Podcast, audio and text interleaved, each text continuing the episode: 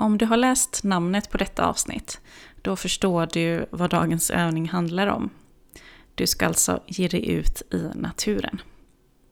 Men innan du gör det så tänkte jag berätta vilka effekter naturen kan ha på dig. Först och främst så finns det många studier som visar på goda effekter kopplat till hälsan. Och det kanske säger sig självt. Promenader, rörelse tillsammans med frisk luft och härlig natur, ja, det kan ju göra mycket. Man har också sett i studier att aktiviteter som skogsbad, alltså när du spenderar tid till att vara närvarande och ta djupa och lugna andetag i skogen, då kan det ha goda effekter på din hjärthälsa. I en studie från 2008 då fann man också att personer som tog en promenad i naturen, de gjorde bättre ifrån sig på ett minnestest jämfört med personer som tog en promenad in i en stad. Promenader i naturen kan även minska depressiva symptom. Eh, och man har sett till och med att eh, personer som har mild depression, de uttrycker större motivation och vilja att göra det som krävs för att bli frisk från sin depression. Det finns alltså många olika studier som visar på flera olika fördelar med att spendera tid ute i naturen.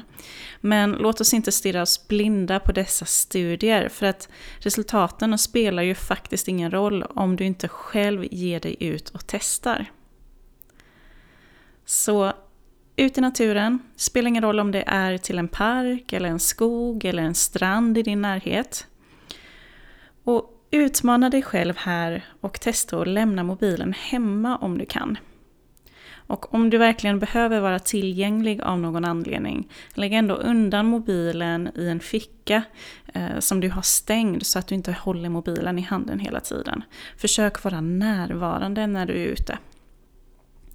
Så ta djupa andetag, lyssna, leta efter detaljer, lukta och känn. Använd dina sinnen.